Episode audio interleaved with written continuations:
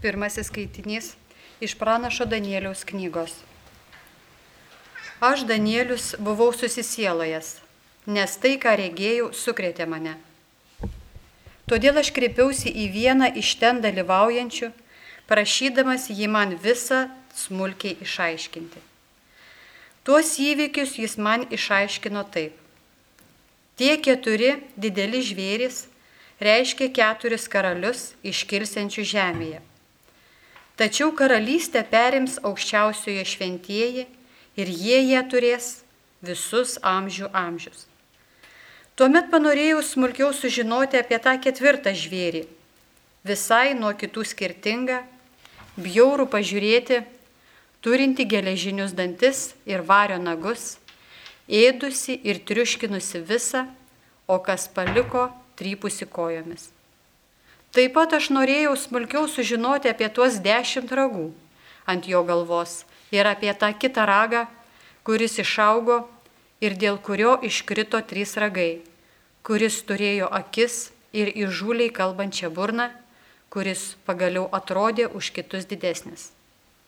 Mačiau tą ragą kovojant su šventaisiais ir nugalint juos, kol pasirodė senyvas vyras Tada šventiesiems buvo iškovota aukščiausiojo teisė ir atėjo metas, kada šventieji perėmė karalystę.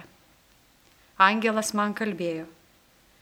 Ketvirtas žvėris reiškia, žemėje iškils ketvirta karalystė, visai skirtinga nuo tų kitų karalysčių. Ji visą pasaulį praris, jį sutryps ir sutriuškins. Dešimt ragų reiškia, Toje karalystėje bus dešimt karalių, bet dar pasirodys kitas, visai nuo pirmesnių skirtingas ir nuvers tuos tris karalius. Jis pikdžodžiaus ant aukščiausiojo ir spaus aukščiausiojo šventuosius, norės pakeisti švenčių dienas ir įstatymą. Šventieji bus atiduoti į jo rankas vienam laikotarpiui, dviem laikotarpiams ir pusiai laikotarpio. Po to bus teismas. Nuo to karaliaus bus atimta valdžia ir pats jis bus visiškai sunaikintas. Visų po visų dangumi karalysčių valdžia ir galybė ir šlovė bus atiduota aukščiausiojo šventiesiems. Jo karalystė bus amžina, jam visos valdžios tarnaus, jo klausys. Tai Dievo žodis. Dėkojame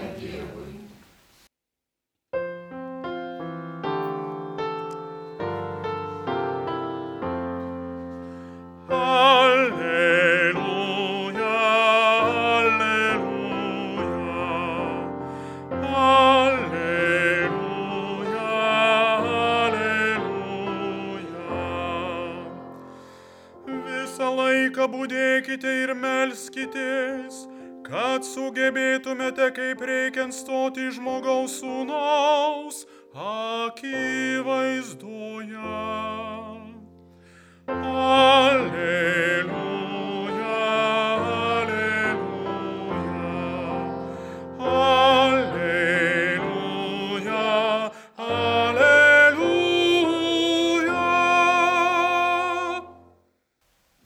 su jumis. Pasiklausykite Šventojios Evangelijos pagal Luką. Jėzus pasakė savo mokiniams, saugokitės, kad jūsų širdis nebūtų apsunkusi nuo gardžių valgių, svaigalų ir kasdieninių rūpešių, kad toji diena neužkluptų jūsų netikėtai ir žabanga ji užgrius visus žemės gyventojus. Todėl visą laiką būdėkite ir melskitės, kad sugebėtumėte išvengti visų būsimųjų nelaimių ir, kaip reikia stoti žmogaus sūnaus akivaizdoje. Girdėjote viešpaties žodį. Brangus broliai ir seserys, mėla kreiptis į Jūs iš šios gražios Marijos radio koplyčios. Ir šiandien, kada Marietono šventė Marijos radijui puikia proga mums ir pasitikti naujuosius liturginius metus, kurie jau rytoj prasideda, ir pasikalbėti ir vieni kitus padrasinti naujam liturginiam laikotarpiui, taigi naujai galimybei viešpaties malonės patirti. Visą laiką būdėkite ir melskitės, kad pajėgtumėte išvengti visų būsimųjų nelaimių ir atsilaikyti žmogaus sunaus akivaizdoj. Trys žodžiai labai svarbus nuskamba šiandienos Evangelijoje, kurie galėtų įvardinti būt taip. Būdėti, melstis, atsilaikyti. Būdėjimas reiškia, kad mano mintyse, širdyje ir prote yra viešpaties pajautimas. Kai tėvai laukia grįžtančių vaikų į namus, tai jie nuolat apie juos galvoja, ilgisi, ir jau džiaugiasi dabar tą akimirką, kai pamatys juos grįžusius į namus, kai susitiks drauge. Būdėjimas reiškia meilę broliams ir seserims, reiškia gyvenimą didžiuoju meilės įsakymu. Aš nelaukiu rytojaus, kad padaryčiau gerą darbą, kad atlikčiau savo pareigas, bet šiandien ieškau progos padovanoti meilės bliksnį, šiltą žodį, šypseną, gerą darbą. Nes rytojus gali neteiti. Šiandienos Evangelija mums apie tai kalba. Todėl jeigu man širdyje sako šiandien reikia daryti mintis iš viešpaties. Jeigu mintis sako rytoj padarysi, žinau, kad ne iš Dievo. Taigi apie šiandien kalbam rimtai ir tas būdėjimas reiškia, kad aš myliu viešpati ir laikau jį labai svarbiu savo gyvenimą. Kitai žodžiais tariant, esu pasiruošęs stoti jo akivaizdą šiandien. Kažkada Pilypas Neris, šventasis, prie humoro žmogus, buvo paklaustas, kai žaidė šachmatais, ką darytum, jei išgirstum, kad po valandos pasaulio pabaiga. Jo atsakymas - žaiščiau šachmatais. Toliau. Kadangi ištiks, reiškia, mm, pasaulį paskutinės teismas jo laisvalaikio metu, tai tebūnie. Nes aš pasiruošęs stoti. Maldos sukalbėto šiai dienai, viskas atlikta, tai jeigu per šachmatus tai vyksta, viskas tvarkoje. Tai žmogus, kuris pasiruošęs, kuris būdi. Ir net jeigu vyksta laisvalaikis, būdėjimas toliau eina. Tai graži mintis apie tai, kad tai visgi yra laikysena Dievo akivaizdoj, kaip ir malda. Malda yra būdėjimo forma.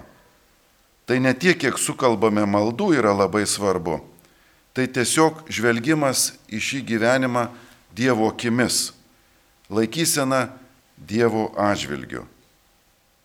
Reiškia, kad aš savo būtimi keliu širdį, protą, mintis ir jaučiu, kad Dievas yra šalia. Taigi, būdėjimo forma malda. Malda reiškia savęs stiprinimą tikėjime, santykėje su Dievu. Žymus teologas Karlas Raneris yra gražiai įsireiškęs. Tikiu, nes melžiuosi. Tai reiškia, jeigu tikėjimas viruoja, abejonės ima, o dangau rūpešiai, visai svarstymai, stresas, gali būti, kad trūksta maldos, trūksta manyje nu tam tikro pasitikinčios e, santykio su viešpačiu ir todėl nervai pradeda kilti. Ką daryti? Grįžti į koplyčią, grįžti į maldą, grįžti į širdį, staptelt, būdėti, tai reiškia dovanoti savo laiko. Na ir malda yra gyvenimas viltyje, gyvenimas Dievo karalystės nuotaikoje. Tai slengstis į tikrovę, kurios nematome, bet jaučiame ją esant. Nes jinai taip labai trapi, netaip lengvai apčiopiama, bet per bliksnius aš ją jaučiu. Susitiko žmonės, pasikalbėjo, pradžiugo širdis, kažkoks geras žodis, ką jau kalbėt susitikimą šventose mišiuose. Tai tikrai tas bliksnis į mūsų kasdienybę, tikrovę, kur kažkaip visai kitaip esam. Bet esam, bet visi drauge jungiami šito bendrystės, viešpaties stalo, viešpaties žodžio. Na ir trečias žodis - atsilaikyti. Gyvenimas yra egzaminas, visi tą jaučiam. Nors ir mes esam ne savo paties kūriniai,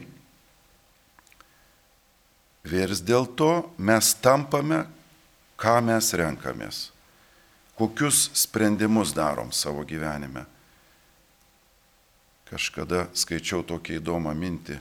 Kiekvienas keturiasdešimtmetis yra atsakingas už savo veidą. Kitai žodžiais tariant, jau einant link antros gyvenimo pusės, veide matosi pasirinkimai žmogaus. Kažkaip įrėžia tam tikrą, sakytume, na, braižą. Tai, kaip aš gyvenu, ką aš renkuosi, pradeda matytis manyje. Taigi čia kalbam, aišku, ir ne tiek apie fizinę žmogaus būseną, bet svarbiausia apie dvasinę. Atsilaikyti tai reiškia turėti jėgos gyvenime įveikti priešingumus, nuodėmę, išbandymą. O dabar per adventą vis pabrėžiama tas ramybės, susikaupimo laikas. Kaip ją išlaikyti tą ramybę? Tiek dirgliklių, čia pastoviai žinios apie karą, apie kažką, kas bloga atsitiko. Iš kur ta ramybė? Apie ją nerašo laikraščiai Dažnai žinios yra tokios, kur nori slėgti laukais. O vis dėlto jinai yra įmanoma, nes šaltinis jos ateina iš kito adresato. Iš to, kurį, kaip sako, viešpat sako, ne iš šio pasaulio. Na ir atsilaikyti reiškia išlaikyti ramybę ir nelaimės akivaizdu, žinant, kad paskutinis žodis bus Dievo ir kad nelaimė nėra baigtinė tikrovė, bet tik užklupus būsena, kuri praeis. Viskas praeina. Lieka viešpaties manyje esantis pėtsakas, kuriam aš duodu žalę šviesą, tai reiškia mano širdyje jis gali įrėžti savo žodį, savo buvimą, save, jeigu aš atveriu savo širdį jam.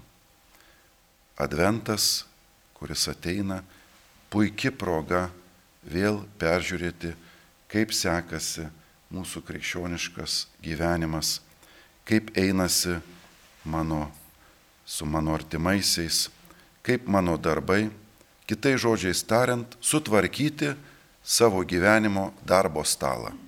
Darbo stalas dažnai apkuistas, apdėtas, visokių daug dalykų sutvarkyti. Tai čia namų darbai, kuriuos mums uždeda šis gražus laikas, bet kam dėl mūsų pačių ramybės, džiaugsmo ir paguodos, kurį švenčiame Kalėdose kaip ženklą, kad Dievo dvasia, jo įsikūnymas taip pat gali įsiskleisti ir mūsų gyvenimuose. Amen.